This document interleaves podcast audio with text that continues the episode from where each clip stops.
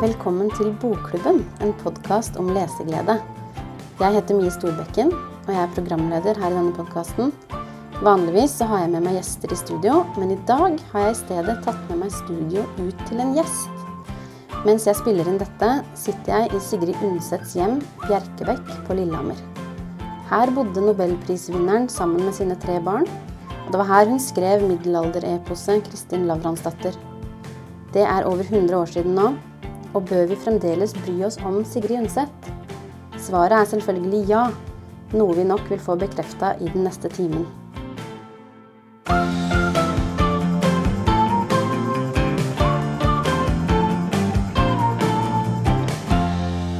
Dagens gjest som har tatt imot meg på Bjerkebekk i dag, er Kristin Brandtzæg Johansen.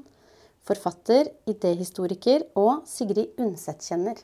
Velkommen til deg. Du Kristin, du har jo vært spesielt interessert i Sigrid Undset lenge. Og da lurer jeg veldig på, hva var på en måte inngangen din til Sigrid Undset? Hva var det første som liksom dro deg inn? Ja, jeg tror jeg var vel i sånn leseslukealder. Sånn uh, ungdomsskole, gymnas. Og som veldig mange så leste jeg da Kristin Lavransdatter. Jeg begynte, det det, det, Mitt første møte med Sigrid Undset var Kristin Lavransdatter. Mhm. Og da leste jeg de bøkene og slukte de. Og det var på 80-tallet, og da var det litt sånn ute av tid Ja. å lese Sigrid Undset. Selv om hun, det er er jo ikke sånn at hun, hun har jo blitt mye lest, men det var ikke noe Jeg husker når jeg, når jeg begynte på Blindern rett etterpå, sånn, så var Sigrid Undset det der, sånne bindsterke historiske romaner Ja. med masse granskau og kjærlighet og sjelegnag og sånt. Det var ikke helt i tiden. Så jeg husker at det var ikke noe rom liksom, sånn, for å snakke eller diskutere Sigrid Undsets bøker. Jeg husker nesten at jeg var litt sånn, gremmet meg litt over at jeg var, var så begeistret for dem. ja. Men det er jo det er jo, det er jo sånn god, gammeldags leseopplevelse. Du blir brakt inn i et univers liksom, hvor det er en hel, hele li, et helt sånn liv, en hel verden folder seg ut Mm. i en lang, lang fortelling om et helt livsløp. Så det er liksom klassisk, gammeldags Mhm. fortelling. Men så er hun jo moderne på mange måter. På den måten hun går inn i tankene, hvordan, hun- hvordan hun forteller. Men det er klart det er noe sånn gammeldags over det. Også det middelalderuniverset. Mm. Men jeg husker at jeg ble veldig begeistret for det. Men det var, men det var på en måte litt det var, Jeg følte at jeg gikk ut av tiden litt. Mm.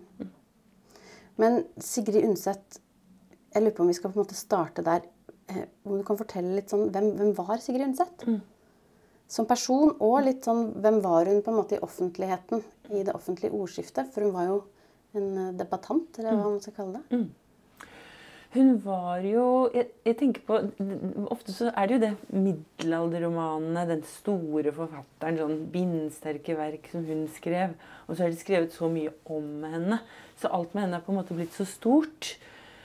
Men, og, og at hun er knytta til det med middelalder og det katolske ettersom hun konverterte. Så, så er det på no, noe som har blitt litt sånn tungt og gammeldags. Mm. Men jeg tenker jo på henne når hun, Som ung så vokste hun jo opp i Kristiania.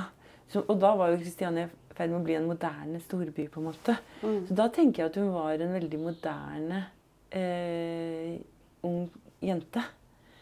Som flytta rundt fordi Og så ble faren syk, og så mista han faren sin.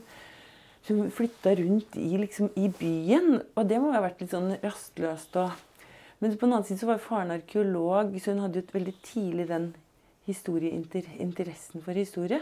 Mm. Men, og så bodde, gift, dro, reiste hun endelig så jobba, Ja, hun jobba på kontor, og så fikk hun endelig stipend og kunne reise til Roma, hvor hun traff han Anders Kastus Verstad, maleren. Og så bodde de et år, nesten et år i London.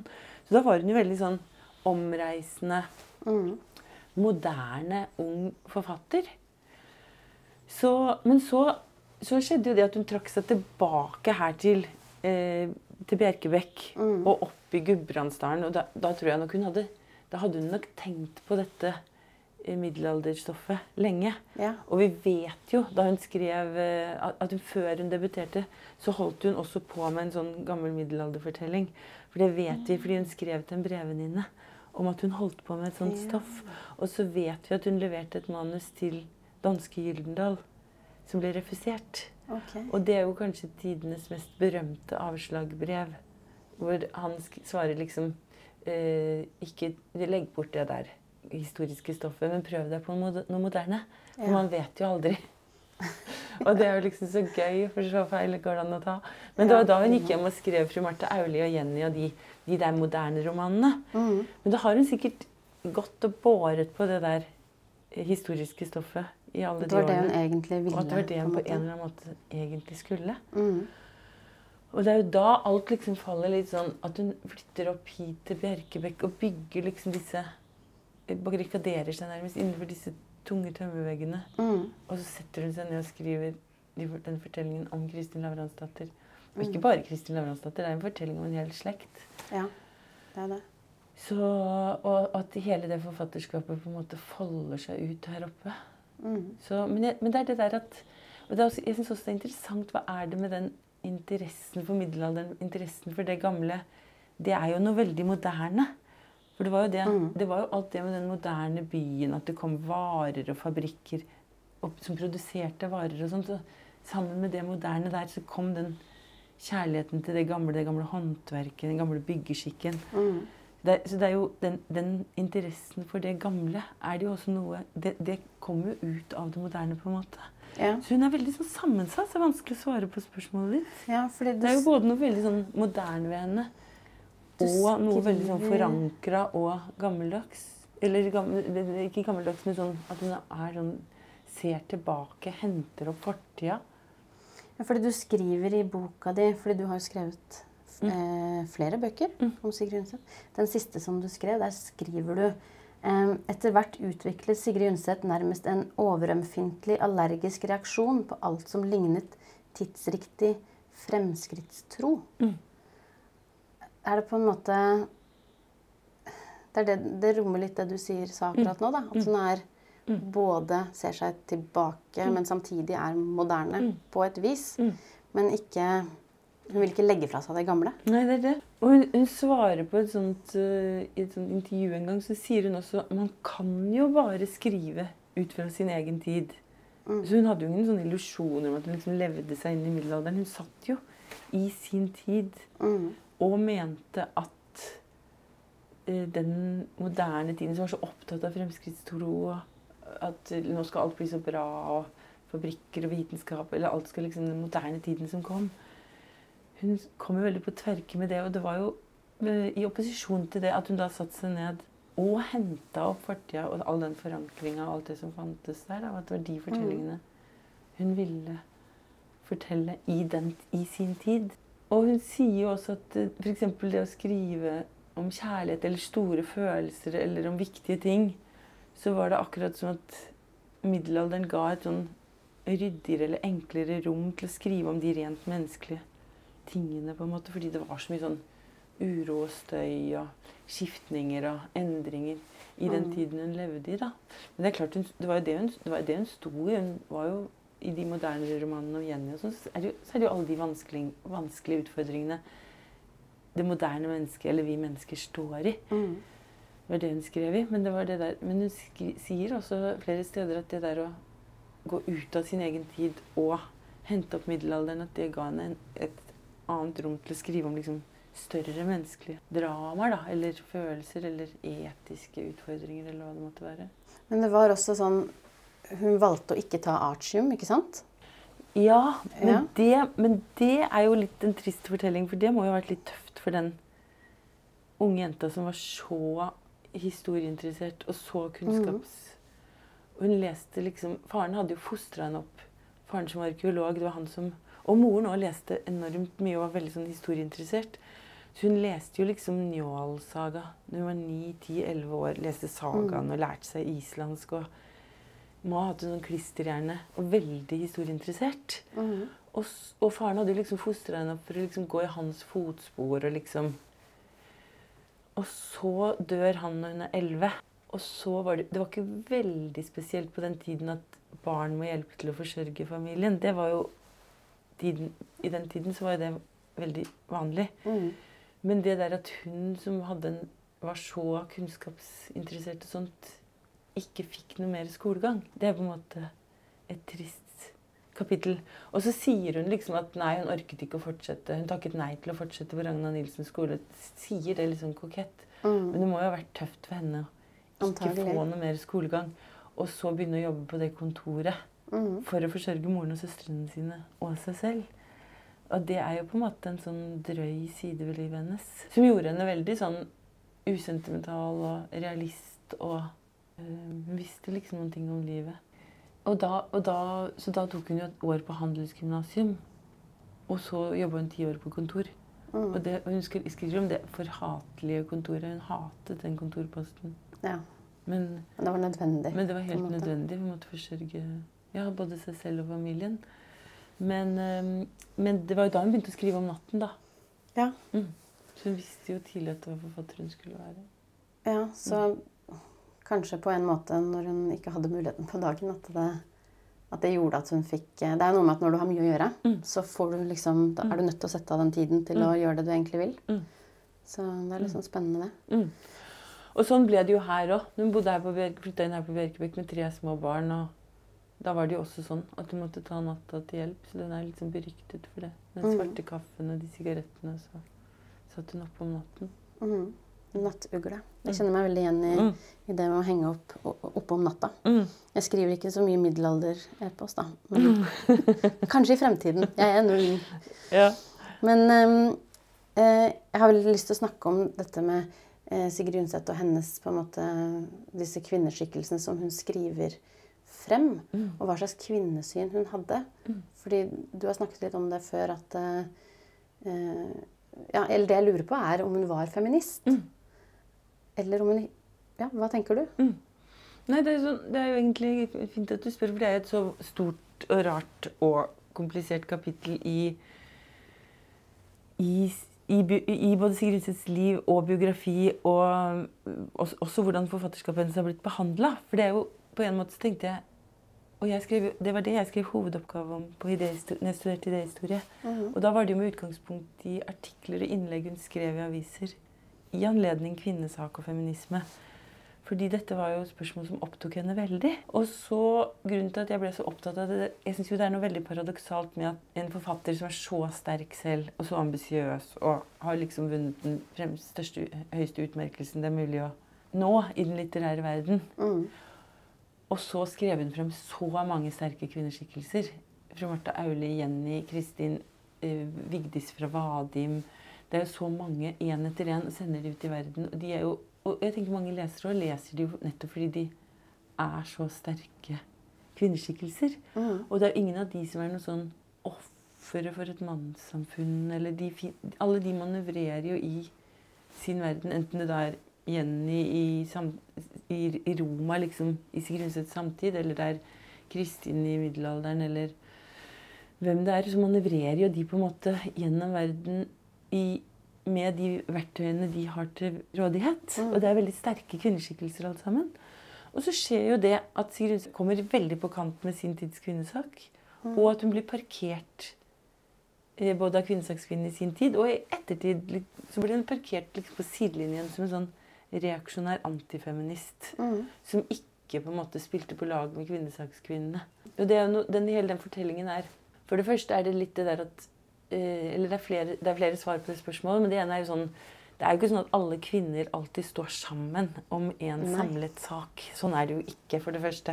Og Sigrid Undset var jo veldig sånn polemisk og kontroversiell på alle måter. Og hun opponerte jo veldig mot hele den fortellingen om at kvinner har vært undertrykt i tusenvis av år, og at kvinnene som det svake kjønnet Og veldig mange av de litt sånn grunnforestillingene om, som på en måte kom med kvinnesak og feminisme, som hun bare og, og at hun kanskje i protest mot det skrev frem de der kvinneskikkelsene Mm. som på en måte har kjempet gjennom sine egne, sine egne liv og på en måte stått opp på helt forskjellige måter. Men jeg tror at det som ble veldig hardt å svelge var, Man må huske på at dette var jo før, før kvinnefrigjøring, før abort. Det var veldig Mye av kvinnefrigjøringen handla om å få kvinner bort fra det livet de hadde levd med, med barn, mang, altfor mange barn. At det å gifte seg måtte de si, gi avkall på i yrkeskarriere. Alt mm, sånt. så, det, så det er klart at veldig mye av det ble liksom sånn, det gamle kvinnelivet som kvinnesakskvinnene ville frigjøre kvinner fra. Men Sigrid Undset så jo ikke på det som et fremskritt. Hun så jo ikke på det som veien å gå. Å frigjøre Hun hadde jo jobba ti år på kontor. Hun visste jo at det er jo ikke sånn man frigjør seg. Hun var jo ikke... Det er sant. Så hvordan, og det er, jo, det er jo interessant Først nå er det akkurat som kvinner står friere til, i forhold til de valgene. Om du Mm. velger å få Det var akkurat som det der at barn var, var Det å harmonere, det å få barn med et yrkesaktivt liv Det er jo det er akkurat som det er først nå de senere årene at de, de valgene er blitt litt mer sånn Du må ikke gjøre sånn eller sånn. Du må ikke Mm. eller at, at kvinnesaks, kvinnesaken ikke er sånn militant på de tingene lenger. At kvinnefrigjøring er, å frigjøre seg fra alt det, at alt det der gamle som kvinner har holdt på med, at det er noe sånn forstokket uh, låst, Fastlåst ved kvinners liv med det. Mm. Men Sigrid og det er interessant at hun lå på tvers, eller hun ble en sånn tverrligger i veldig mange av de spørsmålene. og i veldig mange av Men Jenny er jo, Jenny er jo en veldig moderne kvinne, så sånn som eh, Sigrid Undset selv valgte liksom eh, Ikke forfatterskapet sitt, men det å mal, være kunstmaler. Og reiste til Roma og valgte kunsten. Og det er et veldig moderne kvinneliv. Mm.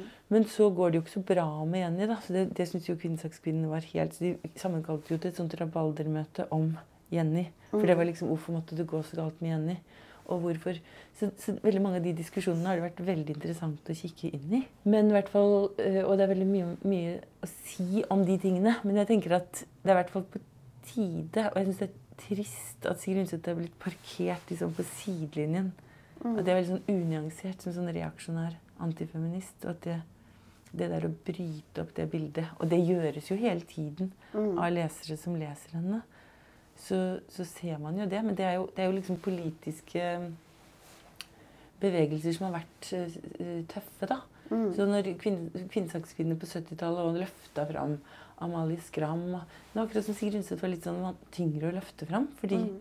det var det der med det katolske, det var det der at hun var sånn litt reaksjonær på en del områder som, kom, som gjorde at hun kom veldig på kant med den moderne kvinnefrigjøringen. Ja. Men uh, nå er vi jo på en måte litt eh, At vi står i en tid hvor det kanskje er Det er ikke så Det er ikke sånne båser, eller man trenger ikke, kan tenke litt ut av det. Jeg tenker jo Det er litt sånn spesielt, for man skulle tro at siden hun levde det livet hun gjorde, Mm. skilte seg og var alene med tre Mm. barn og på en måte Mm. sjonglerte forfatterskap og Mm. alt dette, Mm. at hun på en måte skulle ha havna i kategorien med de andre Ja, kvinnesakskvinnene, på en måte. For det er, jo- det er veldig radikalt. Det å velge forfatterskapet sitt Mm. og bryte ut av ekteskap fordi det var det hun måtte. måtte. Mm. Og også som ung, ja, før hun gifta seg, det å velge så, å være så ambisiøs på egne vegne, på sitt eget uh, kunstnerskap, på sitt eget Mm. livs vegne, det er, jo, det er jo veldig radikalt på en måte for en kvinne den gangen.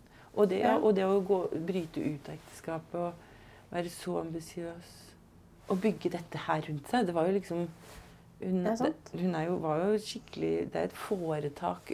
Sigrid Undset eh, Ikke Sigrid Undset AS, men hun var jo liksom en skikkelig Ja. driftig dame. Man kaller henne husfrue eller en ambisiøs liksom eh, eh, gründer som grunnla dette rundt seg. Og etter at hun skrev Kristin Lavransdatter, så kunne hun jo ansette både hushjelp og Mm. hjelp til barna. Og da fikk hun jo et helt annet liv. Hun hadde Mm. sjåfør, han hadde sikkert hjelp i hagen. Hun hadde, var jo et helt lite foretak her oppe. Ja. Jeg syns det er litt interessant, det der. Um, dette var, med henne og feminisme. Ja, det er det. Også, var- også, men bare en sånn ting som Hun var jo så uredd. Og hvorfor er ikke det blitt et ideal, liksom? At hun, hun var så polemisk. Hun rykket jo ut i, ut i aviser. En ting var at hun skrev store romaner, så rykket hun jo ut i mange sånne avisdebatter og polemikker. Og ut mot Knut Hamsun, f.eks. Hun, var hun var ikke redd for noen ting. Mm. Og Knut Hamsun kalte henne jo for en halvmann. Fordi Ja. hun var så ukvinnelig og var liksom så sterk. Men er ikke det stilig? Eller er ikke det i en, en, i en hvilken som helst uh, målestokk en skulle måle henne, eller hvilken som helst vekt en skulle måle henne på, liksom, så er det sånn Mm. Hvor tøff hun var, sånn politisk og Ja.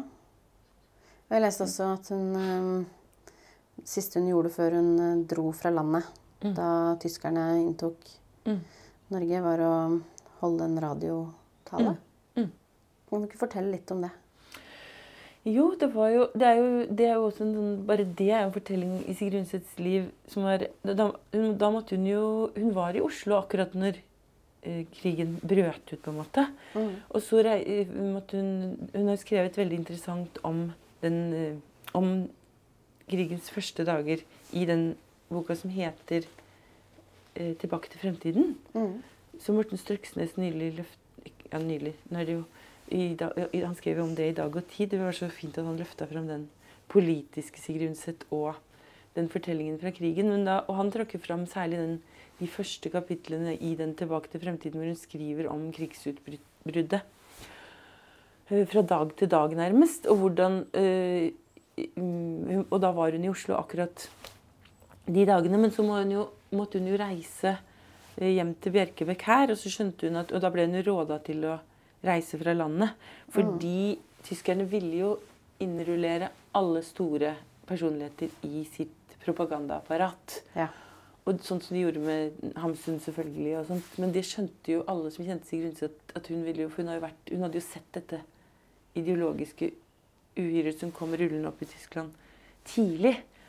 Og vært veldig eh, Hun skrev jo i et sveitsisk tidsskrift spesielt en artikkel opp mot eh, fascisme og det menneskesynet og alt. Og det, jo, det bidro jo til at Sigrid Undsets forfatterskap og at hun ble at det var, det var veldig problematisk at hun var så uttalt eh, tysklandskritisk lenge før krigen. Så alle skjønte jo at hun må bli Hun må, hun, hun må jo eh, reise fra landet. Så derfor så måtte hun flykte, da. Og da, så da var hun bare innom her på Bjerkebekk. Og alle sånne biografer og sånn er jo vært eh, nesten gråter når man tenker på hva som gikk opp i røyk. For da brant hun masse papirer og sånt hun ikke, og brev og sånt hun ikke kunne etterlate seg. Mhm. Og så måtte hun jo flykte videre oppover Gudbrandsdalen.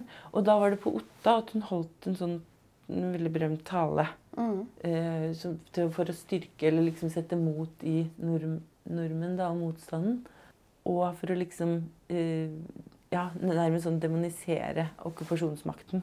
Og det er en veldig sterk tale. Og det som også er rørende med det, det er jo at da vet man jo at da har jo allerede den eldste sønnen hennes falt Ja. ved Segalstad bru Under invasjonen. Under- måte. ja, invasjonen. Og så kjemper hun der og holder den talen og må flykte landet. Flykte fra Bjerkebekk og flykte landet, flykt, eh, reise fra landet. Så drar hun liksom opp til Otta ja, og Dovre der hun holder den talen. Og så blir hun eh, videre over til Åndalsnes, og så videre enda oppover, og så over til Sverige.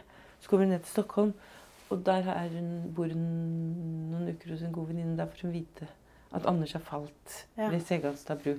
Så det er liksom så dramatisk og Så det er jo, det er jo, ikke, en, det er jo ikke en skjønnlitterær bok, men det er virkelig en bok å anbefale eh, Mm. lesere i dag. Og den har akkurat kommet i ny utgave òg, den 'Tilbake til fremtiden'. Ja.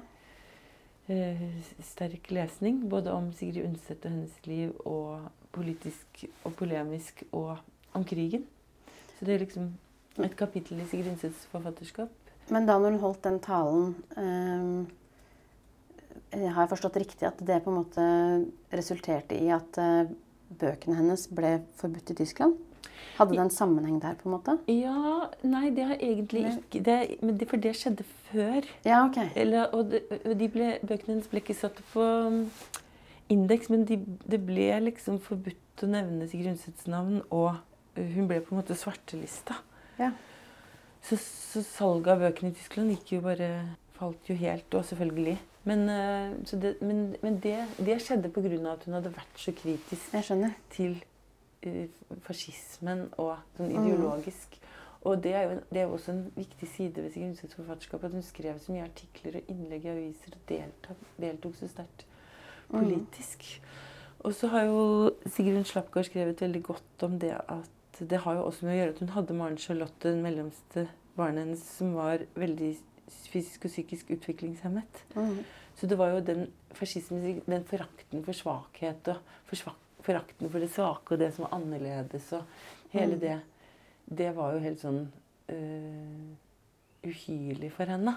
Mm. Så det, det har hun skrevet veldig mange artikler om og skrevet inn i flere romaner. hele den motstanden. Og hun var jo hennes sånn polemikk mot Knut Hamsun, og, som skrev 'ærer de unge'. Og så skrev Sigrid når han skrev 'ærer de unge', den vitalismen.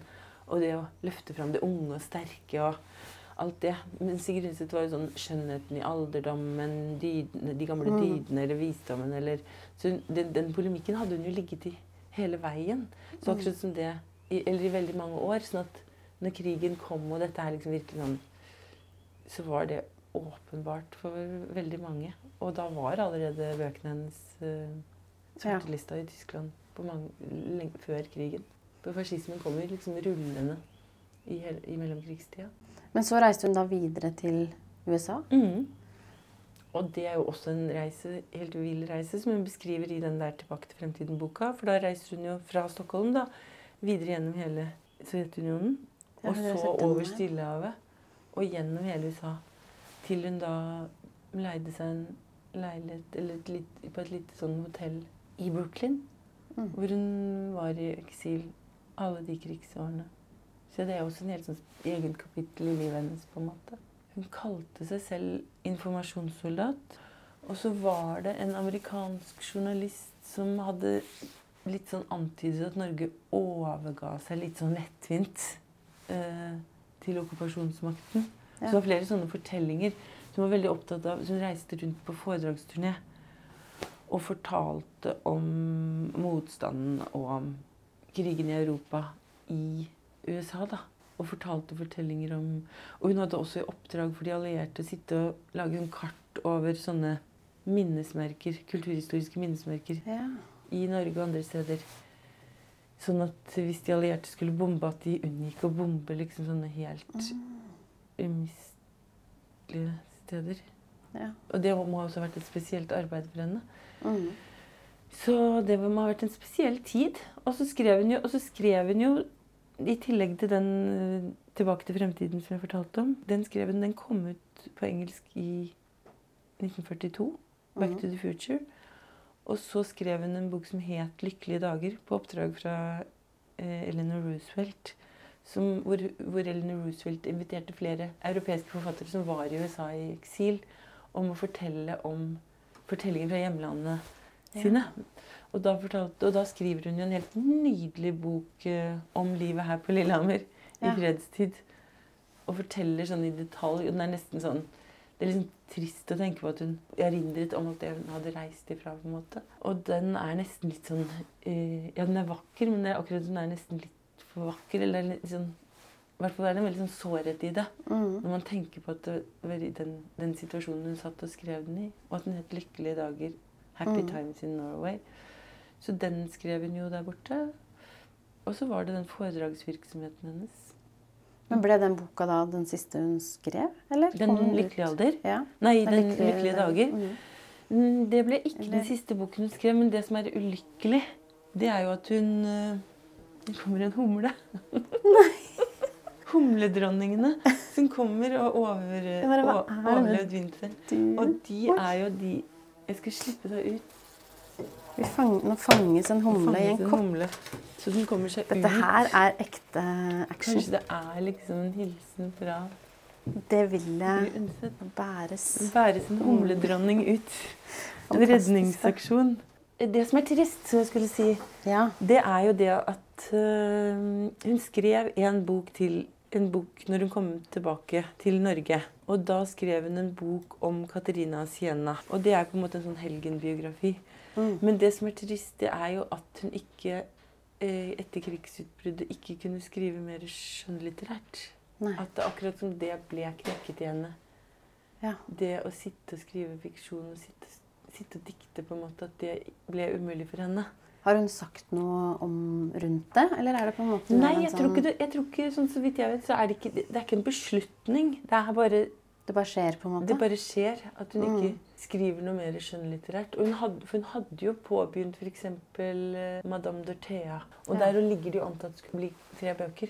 Ja. Men, så det, men det er tydelig at om det er liksom at hun ikke har hatt krefter til det, eller om at hun ikke har fått det til, eller Men det er jo, det er jo trist Mm. å tenke på. At det på en det er måte knakk henne. Men det er jo også sånn at eh, det, det er jo En ting var krigen kom, så mista hun Anders, eh, eldste sønnen sin. Men eh, i 1930, i året før så hadde hun jo mista Maren Charlotte, Mm. den datteren hennes. Og da døde også moren hennes. Og, så det var jo veldig sånn store tap i livet hennes. Akkurat rundt da. Rett før krigen. Mm. krig, ja, Men hun reiste med den siste gutten, eller? Ja, Han hans- var med. Ble med henne. Mm. Han er jo født i 19, så da var jo han 21, da. Ja. Så han eh, ja, så han var jo egentlig da- voksen. Ja, så han var jo egentlig voksen. Men da når hun, hun får han over til Stockholm, og så reiser de sammen over. Men så går han på skole og drar til England. Og han er ikke sammen, han er ikke sammen med henne de eksilårene. Nei. Men eh, det, han er den eneste hun har igjen. Mm. Mm. Men også når kom hun da tilbake hit etter krigen? Da kom hun eh, Nå husker jeg ikke akkurat datoen, det kan jeg sjekke, men det var i juli. Begynnelsen av juli, tror jeg. I 1945. Mm. Og da fikk hun liksom hyre på en båt. Hun måtte jobbe seg over, for det var veldig vanskelig. Det var så mange som ville tilbake til Europa. Og så fikk hun så, mm, så, så fikk, Men hun var jo også sikkert en prioritert person. Å få, Mm. så, så hun ble sikkert prioritert. Men i hvert fall, altså, Og da står det så fint i Jeg husker ikke hvem som skrev det i en norsk avis. Da hun liksom gikk i land på Rådhuskaia. At nå er Dovrefjell kommet tilbake. Ja. Eller nå er fjellene, fjellene kommer tilbake. Eller at Jeg Ting- ting kommer på plass. Ja, det var Det så fint liksom- at hun liksom Mm. Det er noe med det der med at hun sa at de har levd i dette landet i tusen år. Den måten hun har på en måte Mm. fortalt norsk, norgeshistorie, fortalt om hvem vi er. Så mange fortellinger som på en måte går så langt tilbake, lodder så dypt. Mm. Så jeg syns også det var så fint at det, var, at det ble skrevet. Så da kom hun tilbake til Perkebekk. Men jeg vet at hun lurt, vurderte å flytte. Det kan ikke ha vært samme for henne å komme tilbake hit. Nei. Tyskerne hadde jo okkupert det. Brukte det som hjem for uh, kvinner som hadde fått barn med tyskerne. Ja. Hun må ha hatet det. Ja. Hun ha- hatet jo tyskere fra, nesten fra hun var liten, fordi moren var jo dansk og fortalte henne ofte om krigene. De, ja. Så det satt dypt. så, ja, så det der med så Det flere sånne, til og med sånne vers om når tysken kommer her, som sikkert hun hadde helt siden hun var liten. Så det er litt sånn Som kom med moren. Som Mm. moren hadde liksom sikkert fortalt henne som barn. Men så senere så ble jo det tyskerhatet hennes Og i den Tilbake til fremtiden-boka så er det tyskerhatet hennes helt forferdelig å lese. Det er helt sånn, der, der går hun helt i svart, på en måte. Der mister hun alt eh, gangsyn. Men det er jo også det er forståelig. De flytta inn her på Bjerkebekk i hennes hjem. Ja. De tok li, de, alt de sto for, på en måte. Drepte sønnen Mm. falt. Det var liksom det så, det så, det, Hun hadde jo grunner, på en måte. Det er noe med det. Og hun var, jo, hun, var jo, hun var jo så reflektert. Hun hadde jo så mange tanker i hodet på en gang. Men akkurat når det kom til det, så går hun liksom helt i I svart. Mm. Mm. Ja. Det er jo liksom ikke så rart. Nei. Nei.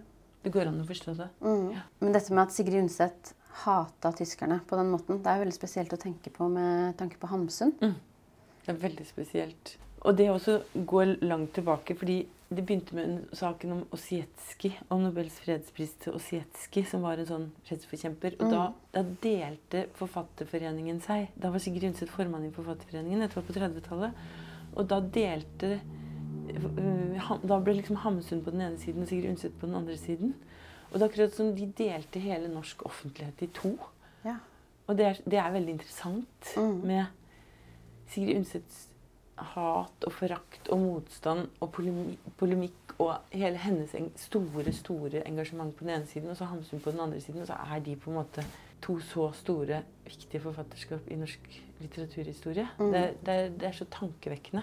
Og det er så mange ting jeg kan, kan si om det. Og det er jo skrevet veldig mye om det også. Men også sånne ting Men Sigrid Undset ga Nobelprisen sin peng, Nobelprispengene til å lage et fond for familier som har barn med psykiske og fysiske funksjonshemninger. Så ga jo Hamsun liksom medaljen sin til Goebbels. Mm. Så det er liksom det er, så, det er så mye ved de som bare som Veldig er to kontrast. helt forskjellige verdener. Veldig kontraster. Mm. Og jeg, og jeg syns at det der å løfte frem den, den politiske siden ved Sigrid Undset, og, og den, den der det, det er jo historiefortelling som liksom løper ideologisk gjennom tiår på tiår, på en måte. og fremdeles deler folk. Og er viktige politiske spørsmål i dag. Og det er en liksom side ved ja, Sigrid Undset skrev romaner, hun skrev middelalderromaner, men den, den, politiske siden ved henne, kvinnesaken eller mm, fascismen eller menneskesyn eller Det ligger der så veldig. Så er veldig mm. Opptatt av at den, den politiske siden Sigrid Undset blir uh, eh, løfta fram. Ja, om igjen og om igjen. Det er ikke sånn at det ikke er blitt gjort. Sigrun, Sigrun Slappgård gjorde det i sin biografi. Tordis Ørjasæter. Eh, Morten Struksnes ganske nylig. Men det, det er viktig at det blir løfta fram. Ja, for det er vi i Bokklubben vi, mm. vi føler litt på at det blåser en Sigrid Undset-vind mm. mm. om dagen. Mm. Men Kan ikke du fortelle litt om eh, arbeidet som dere gjør her på Bjerkebekk? Fordi mm. du er konservator her. Mm. Eh, hvordan jobber dere for å på en måte løfte frem Sigrid Undset nå i dag? Bjerkebekk her er jo på en måte husene hennes, som er et så spesielt sted. Og både i hennes liv og det der at hun bygde disse bygningene rundt seg og satte seg ned og liksom skrev sine største verk. Det er jo liksom et helt spesielt sted mm. som må tas vare på. Og det er det jo Maihaugen og Lillehammer museum som gjør. Ta vare på selve husene. Men når jeg er konservator her, så er det jo både det å ta vare på Men også, jeg, er, jeg, er opptatt av de fortellingene som finnes i disse husene. Mm. Det er liksom, En ting er å ta vare på tømmeret og ta vare på alle gjenstandene hennes. Det er jo helt fantastisk hva hun samla rundt seg. Men det er jo også å ta vare på alle de fortellingene rundt henne da, og snakke om de sånn som vi gjør nå. Og jeg har jo også vært involvert i Sigrid Undset-selskapet, som også har hatt det som oppgave. Mm. Uh, og det går jo tilbake til litteraturfestivalens begynnelse. Mm. Og så var det jo Nå har det vært tre år med feiring av Kristin Lavransdatter har vært 100 år. Mm. Så da har vi jo feira det, og det har vært en veldig god anledning til å løfte fram. Mm. Så, så, og det har jo vært i samarbeid med Litteraturfestivalen. Og, og så nå snart skal vi jo feire Olav Audunsen 100-årsjubileum. Yeah. ja. Så, men festival, litteraturfestivalen har vært viktig. Og så var det jo det at eh, Kjersti Horn løfta fram eh, Kristin Lavransdatter. Virkelig løfte, løfta Kristin Lavransdatter rett inn i vår tid mm. på Det Norske Teatret. Den spilles jo enda. Mm. Og den har jo spilt liksom i hele høst og vinter og vår. Og det er bare hun Sara Korami og Preben Hodneland, hvordan de klarte bare å ta Kristin og Erlend på alvor og bare mm. sette de inn i vår tid, det er jo bare å ta seg hatten for. Mm. Så det er også med den vinden som blåser. Og det er ikke sånn at Å, Sigrid Undset Men det, det, har vært litt mye, kanskje, at Sigrid Undset Å, store Sigrid Undset. Ja, vi tror vi vet hvem hun er. Mm. Man trenger ikke. Men det, det, tenker jeg liksom er min jobb, som er, er on a mission. for at ja. liksom, Hvis du tror du ikke må lese Sigrid Undset, så tar du litt feil. Du må, mm. du må det. For det er noen sånne, Hun har noen innsikter i det å være menneske. Hun noen, forteller oss noen ting om historie og hvem vi er. Og, som det er verdt å bryne seg på. Og jeg blir kjempeglad når unge lesere og alt driver og leser eh, Det var et sånn ungt par som satt på et kafébord og snakket om Kristin Lavransdatter. Og da var jeg bare helt sånn Jeg måtte nesten gå bort til dem. det er helt fantastisk. For det er jo det. Det er en ting er at jeg kan gå sånn og Sigrid Undsets betydning, men det at det virkelig er sånn at unge mennesker leser den igjen. Jeg venter jo bare på at noen skal plukke den opp og lage en TV-serie. Ja! Liksom. Og jeg venter på at noen skal plukke opp og lage om Sigrid Undsets biografi. For det der at hun dro til ro Det der at hun måtte, ikke fikk noe skolegang, og så måtte hun jobbe på det kontoret, og så reiste hun ut i ja, Roma. Hele livet hennes er jo kjærlighetslivet med den maleren, og så mm. alt det derre. Og så det eksilet og alt det. Det er liksom et så dramatisk liv om et øh, Så sentralt i forrige år, 1900. Mm. Eller det, det århundret. Flere tiår av et uh, århundre. Så det, det må vi håpe på. Det må, at det kommer en ordentlig film. Og stor film. Og det var en amerikansk journalist som skrev det, kulturjournalist som skrev det til HBO og sånn. Ja. Hvis de ser etter nytt eventyrunivers, litt sånn Game of Thrones, Vikings Her er det liksom... til Gudbrandsdalen, norsk 1300-tall. ja. Der er det. Det må vi virkelig liksom, håpe. Jomfruer i nød og kirkebranner og kjærlighet som aldri dør. Og... Mm. Mm. Det er spennende. Mm. Nå hører vi det kommer sko skoleungdom inn her. Ja. Da jeg ble konfirmert, så fikk jo jeg en sånn eh, stor praktutgave av Kristin Lavransdatter. Jeg tror det var veldig vanlig en lang, lang stund før i tida. Jeg, jeg, nå høres ut som jeg var kjempegammel, da, men jeg er ikke så gammel. Men ehm, eh, Tenker du at det fremdeles er at Kristin Lavransdatter fremdeles er relevant for konfirmanten i dag? på en måte? Er det der du ville begynt hvis du skulle lese din første Sigrid Undset-bok? Jeg tror kanskje det er der jeg ville, ville begynt. Jeg skulle ønske at forlaget gjorde noe med språket. Ja. At det ble revidert. For det er veldig tungt, det er tungt språk. Og Sigrid Undset hadde aldri noe imot at språket hennes ble Nei. eh, Alle de språkendringene. Når dobbel A ble Å, eller, eller ble mig og de ble.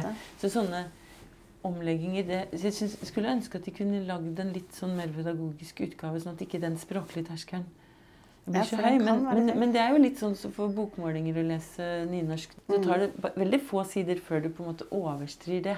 Men jeg tror kanskje ikke jeg ville gitt bort den trebindsutgaven. Nå har du Nei. kommet igjen av bare, bare kransen. For det kan være litt sånn avskrekkende å komme med en sånn uh, koloss, liksom. Den er veldig uhåndterlig, den jeg har. Ja, det Jeg har det. aldri lest den. Og du kan ikke lese den på senga, du kan ikke putte den i veska. Du kan ikke, så jeg tror kanskje jeg ville anbefale å ta eh, kransen bare. Mm. Og så hvis de da på huka vedkommende unge Mm. leser, så greier de jo å skaffe seg på antikvariat eller hvor som helst eh, hele. Mm. Ellers så er det jo Og Jen, Jenny er jo en mer sånn ja, en drøyere fortelling å gi bort til en ung leser. Men Mm. hvis først folk er boklesere, så tåler de ofte litt. Mm. Jeg vil kanskje Jenny Ellers er jeg veldig glad i den lille mm, rare 11 år. Som Ja. er en, blir kalt omtalt som en selvbiografisk roman. Hvor hun forteller om seg selv som Ingvild fra hun er bitte liten. Mm. Fram til hun er 11 år, det året faren dør. Og det er, en sånn, og det er både en fortelling om Oslo, oppvekst i Kristiania, da, og Mm. hennes uh, liv. Veldig sånn biografisk, nydelig liten skjønnlitterær tekst. Mm. Men du, tusen takk for at jeg fikk komme hit i dag. Nå lister det seg ungdom forbi her. Hei. Så fint at dere kommer til Bjerkebekk, da. Mm, Velkommen, velkommen. Så fine. Tusen takk. Takk for at dere kom til Bjerkebekk. Hvis du vil lære mer om Sigrid Undset, så anbefaler jeg Kristin sin bok. Den heter 'Jeg har levd i dette landet i tusen år'. Du finner boka sammen med mange av Sigrid Undset-bøker på bokklubben.no. Sigrid Undsets hjem Bjerkebekk på Lillehammer har åpent for besøkende i sommerhalvåret, og de åpner dørene for sesongen denne uka, fredag 19. mai. Jeg har definitivt tenkt meg tilbake når den flotte hagen står i full blomst, og kan varmt anbefale et besøk dit. Tusen takk for at du ble med oss til Bjerkebekk i dag. Vi er snart tilbake med en ny episode, og til da god lesing.